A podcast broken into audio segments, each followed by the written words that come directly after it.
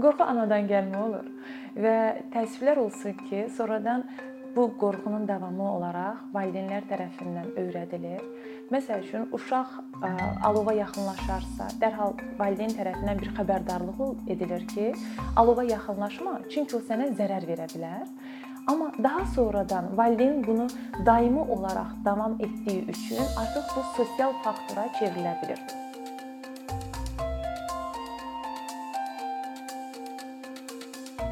Bu günləri biz rahatlıqla deyə bilərik ki, qorxu həm bioloji, həm də ki, bir sosioloji olaraqdan uşağın formalaşmasında təsir eləyir. Bu günləri qorxunun rahatlıqla insanlarda var ola bilməsinin xüsusilə də Azərbaycan mühitində var ola bilməsinin bir səbəbi var ki, həm bu tarixsel faktoru biz göstərə bilərik. Eyni zamanda da burada bizim adət-ənənələrimizin nə qədər təsirinin olduğunu rahatlıqla deyə bilərik. Qorxunu biz sadəcə ailədə, qohumlarımızın yanında, dostlarımızın yanında deyil, həm də məktəb mühitində hiss edə bilirik. Çox təəssüflər olsun ki, qorxun artıq bir mədəniyyətə çevrilibdir və bu mədəniyyətin parçası olmağa başlamışıq. Və heç də ə, uzağa getməyək ki, bu günləri əksər siniflərdə yox, çox siniflərdə uşaqlar müəllimdən necə də qorxur. Ailədə atadan qorxurlar. Küçədə polisdən qorxurlar. Mənim özüm belə uşaqlıqdan həmin o qorxu mədəniyyətinin bir parçası olduğum üçün bir küçədə bir polisə rast gəldiyimdə dərhal qorxu keçirirəm ki, görəsən nəsə baş veribdir mənimlə və yaxud da yaxınlığımda olan bir məkanla bağlı. Və əlbəttə ki, bunun hamısı bizim formalaşmış olduğumuz o mədəniyyətin göstəricisidir. Artıq mədəniyyətə çevrilmiş olan bir qorxu valideynlə övlad arasında, işçi ilə müdir arasında, müəllimlə direktor arasında və şagirdlə müəllim arasında mövcuddur. Və artıq burada münasibətlər demək olar ki, hədsiz dərəcədə sabit bir şəkildə gedir. Burada güclü və zəif tərəflər var. Güclülər həmişə haqlıdır, çünki o üst mövqedədir. Zəiflər isə öz çəkindikləri üçün o qorxu mədəniyyətini artıq daxillərində, xarakterlərində yaşatdıkları üçün öz fikirlərini belə səsləndirməkdə çətinlik çəkirlər. Bu qorxu mədəniyyətini artıq özündə hiss edən şagird olsun, fərd olsun, öz qohumuna, öz yaxınlarına, öz müəlliminə belə inana bilmir. Çünki o o mədəniyyət tamamilə insanda olan güvəni, inamı əksildir və ona böyük bir zərbə vurmuş olur. İki sosial mühit uşaq üçün önəmlidir. Birisi ailədəki olan mühit, ikincisi isə artıq onun ümidlə və sevinclə məktəbə daxil olmuş olduğu həmin mühit. Və məktəblər bu günləri uşaqların, şagirdlərin yetişdirilməsində iki yanaşmanı tətbiq eləyirlər. Və bir yanaşma odur ki, uşaqlar mövcud olduqları özlərində olan hansı ki öyrənilmiş davranışları davam etdirir. Bəzən isə yeni davranışların qazanılmasında şagirdlərə kömək edə bilir. Mən özüm də bir müəllim olaraq bir təhsil müəssisəsində çalışıram və müşahidələrim əsasında rahatlıqla deyə bilərəm ki, məktəblərdə şagird və müəllim, şagird direktor arasında hədsiz dərəcədə bir gərgin bir mühit var. Mütləq müəllimi və yaxud da direktor gördüyündə əskər formatında durmalıdır şagird. Mütləq özü olduğu kimi göstərə bilməz, çünki o məktəbin içərisindədir. Və təəssüflər olsun ki, siniflər daxilində həmin o müəllimlər, direktorlar sanki bir ideyanı təşviq eləyirlər. Sən mənə aidsən və mənim dediklərim daha çox keçərli olacaqdır və sənin mənim yanlışım yoxdur. Sən daima yanlış eləyə bilərsən, çünki sən məndən aşağı mövqedəsən. Və bu zaman həmin şagirddə potensialını və öz bacarıqlarını göstərmək üçün heç bir cəhd olmayacaqdır. Çünki o düşünəcəkdir ki, onsuz da mən səhvlər üzərində formalaşmışam və məni direktor səhv görəcəkdir, məni müəllimim səhv görəcəkdir və nə baş verəcəkdir? Həmin şagird universitetə daxil olduğunda, rektorunu da gördüyündə və həmin şagird sabahları bir işçiyə çevriləcəkdir. Müdirini gördüyündə əskər formatında olacaqdır və öz fikrini söyləməkdən çəkinəcəkdir.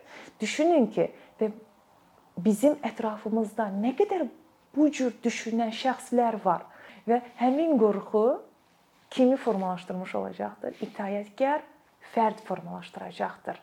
Və həmin itaətkar fərd, itaətkar şagird, itaətkar müəllim, itaətkar işçi. Bizim cəmiyyətimiz üçün həqiqətənmi itaətkar şəxs, vətəndaş lazımdır? Əlbəttə ki, xeyr. Çünki itaətkar üçün ölkənin rifahı, ölkənin gələcəyi, ölkədə mövcud olan çatışmazlıqların daha da yaxşı olması üçün cəhdlər demək olar ki, yox olacaqdır. O düşünəcəkdir ki, məndən üst mövqedə olan şəxs mənim yerimə qərar verəcəkdir. Və itaətkar vətəndaş üçün artıq ölkəsinin gələcəyi üçün, ölkəsinin müstəqilliyinin var ola bilməsi üçün çalışmaq adi bir hala çevriləcəkdir. Heç o buna cəhd etməyəcəkdir. Və biz rahatlıqla və asan ə, müşahidələrimizin əsasında söyləyə bilərik ki, qorxu mədəniyyəti məhz təhsilin sayəsində şaxələnməkdədir və var olmaqdadır. Və həmin təhsilin sayəsində də biz qorxunu dəf eləyə bilərik. Daha real həyatda əgər biz geri dönmüş olarıqsa, realdan bir nümunə göstərək. Mən öz təcrübəmdə əlbəttə artıq müəyyən bir təcrübəyə sahib bir müəllim kimi 3-5 il arasında belə dəqiq desək 5 il kimi bir təcrübəsi olan bir şəxs kimi ilk vaxtlarda mənim də əlbəttə ki, qorxu mədəniyyətindən gəlmiş bir şəxs olduğum üçün mütləq bir şəkildə bir sərtlik göstərirdim ki, sinifdə hakim olan mənəm. Amma sonradan gördüm ki, nizam intizamı mən qorxu ilə heç bir şəkildə tənzimləyə bilmərəm. Həmin ə, qorxunun nizam intizamı təsiri sonradan müvəqqəti disiplin olduğunu mən aşkarlamış oldum. Həmin o müvəqqəti disiplin müəyyən bir müddətdən sonra artıq azalmış olur. Şagird heç müəllimə də bir o qədər hörmət göstərə bilmir.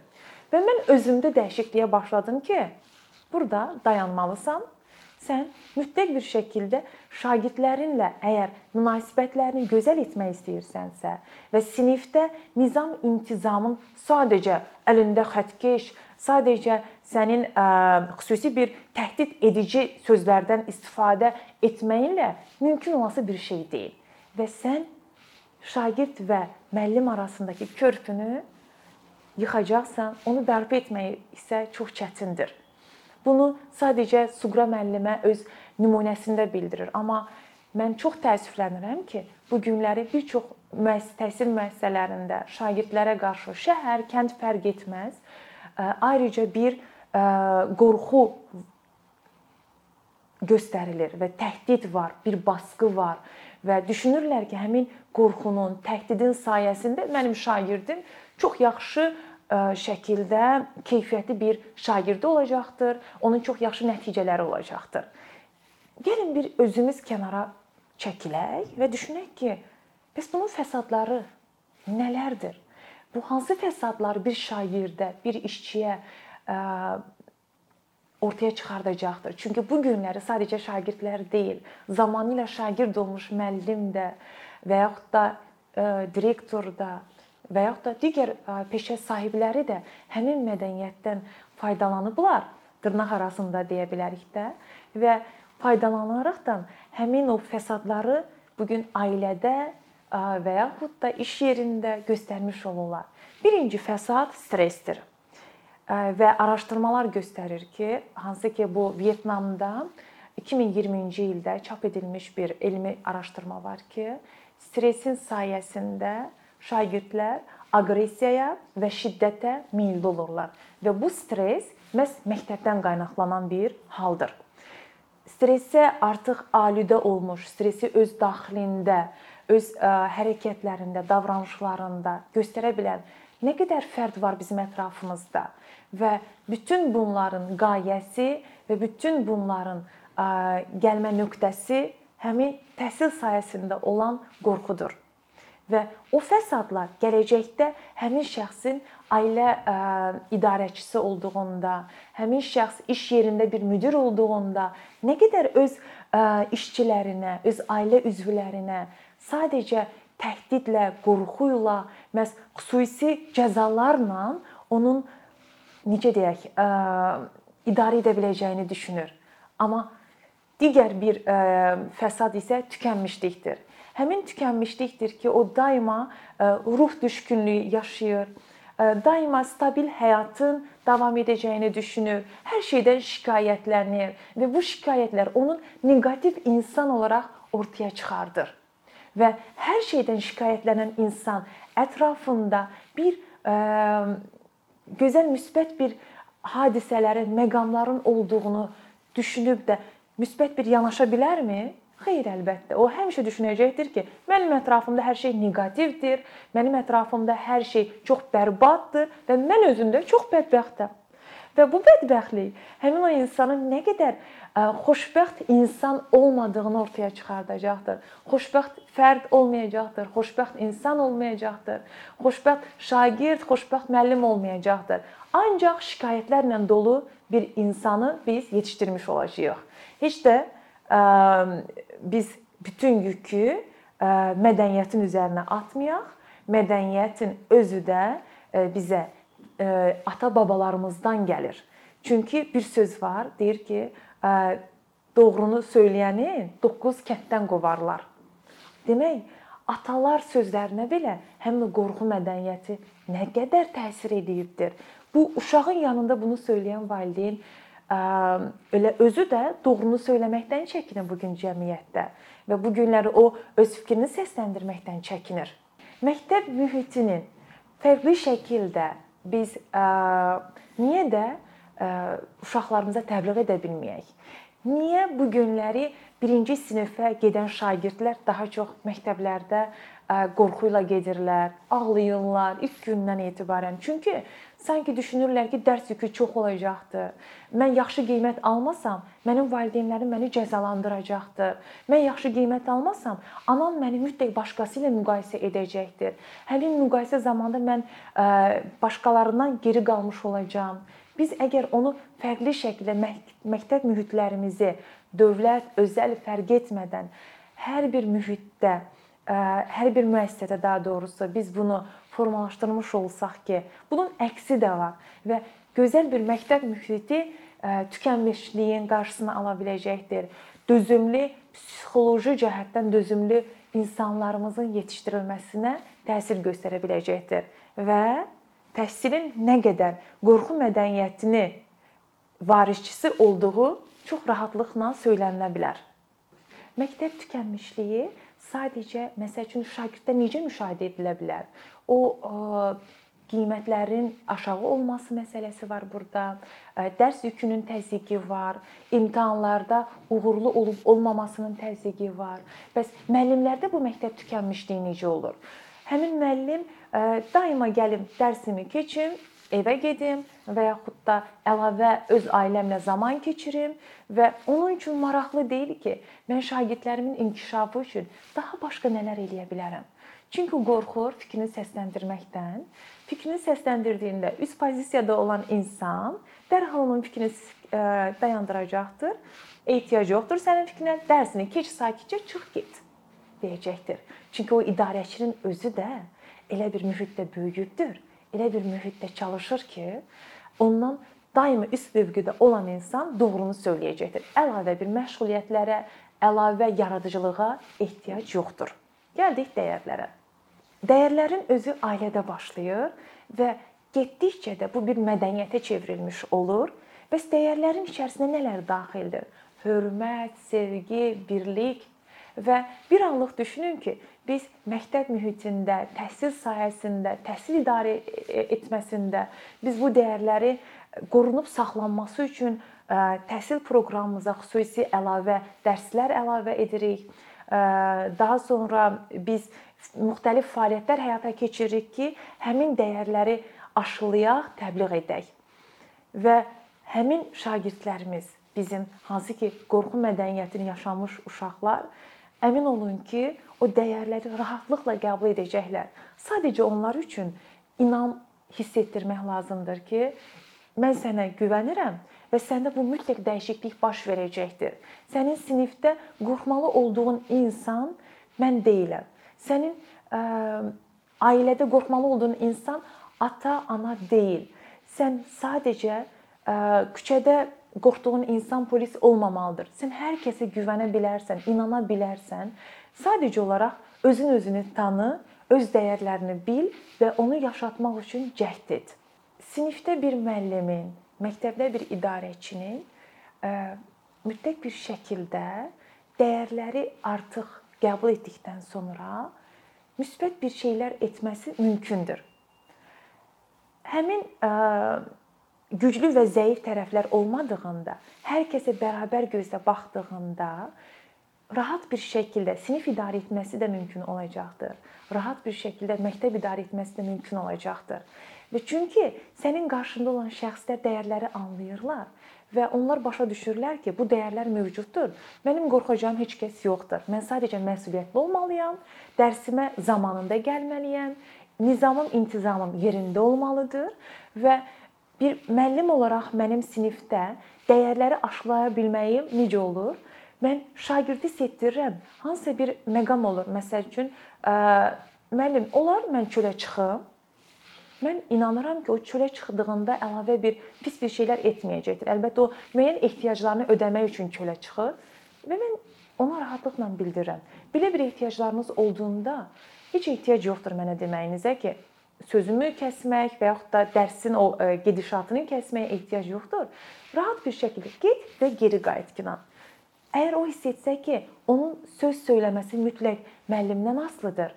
O e, o sevgi mühitində dəyərlərin hakim olduğu bir sinifdə zədələnmiş hiss edəcəkdir ki, mütləq mən kimlərdənsə icazə almalıyam.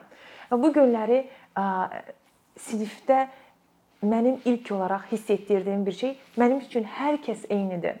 Və mənim sizdən gözləntim sadəcə mənə mənim sizə ötürmüş olduğum sevgini, hörməti qorxu ilə, özünüzdə qorxu hiss edərək deyil, özünüzdə bir ə,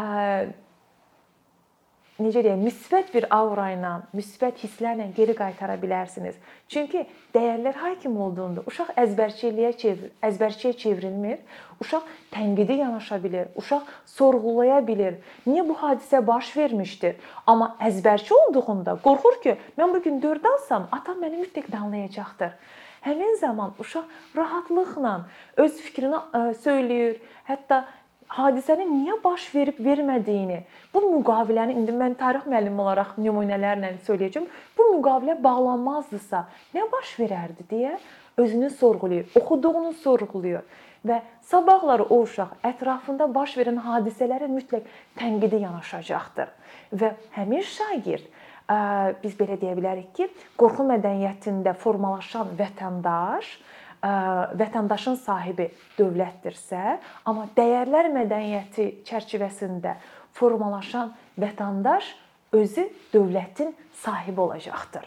Və iki mədəniyyət arasında olan fərqliliyi hiss edən insan daha çox cəmiyyətinə, dövlətinə, çatışmazlıqların aradan qaldırılması üçün cəhd edəcəkdir. Nəinki itaətkar bir şəxs olaraq hər şeydən şikayətlənəcək, neqativ bir insana çevriləcəkdir və beləcə özünü bədbəxt bir vətəndaş olaraq hiss etmiş olacaqdır. Biz çox rahatlıqla zaman alsa da, amma qorxunu və bu mədəniyyətə çevrilmiş olan qorxunu aradan qaldıra bilərik. Yetər ki biz buna cəhd edək. Mütləq və mütləq şəkildə müəllimlərimizə, xüsusilə də idarə etmədə təmsil olunan şəxslərə deyilməlidir təlimlər vasitəsilə, seminarlar vasitəsilə işçilərinizi, müəllimlərinizi baskı altında saxlamayın. Təhdidlər edərəkdən sonra həmin müəllim, həmin işçi sinifdə onu tətbiq edəcəkdir. Bizim cəmiyyətə, bizim ölkəmizə daima tənqidi yanaşaraqdan müsbətləri görüb də çatışmazlıqların aradan qaldırılması üçün çalışan vətəndaşlar lazımdır və biz bunu təhsilin sayəsində yetişdirə bilərik.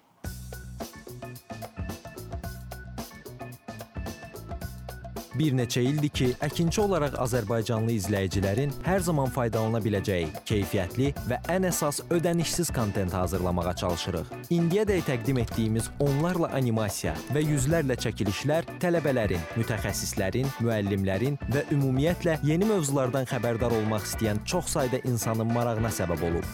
Bu illər ərzində hazırladığımız videolar təhsil, texnologiya, ictimai fəallıq, iqtisadiyyat, gender bərabərliyi, ətraf mühit, ifadə azadlığı, hüquq, demokratik inkişaf, mədəniyyət və digər mövzuları əhatə edib. Məqsədimiz çoxlu baxış gətirən deyil, çoxlu fayda gətirən videolar hazırlamaqdır. Amma bu düşündüyümüz qədər asan deyilmiş. Gördüyümüz iş kifayət qədər resurs, əmək və təbii ki, davamlılıq tələb edir. Bu səbəbdən Patreon platformasından istifadəyə başladıq. Əkinçinin Patreon hesabının populyarlaşmasına çox böyük ümidlərimiz və gözləntilərimiz var.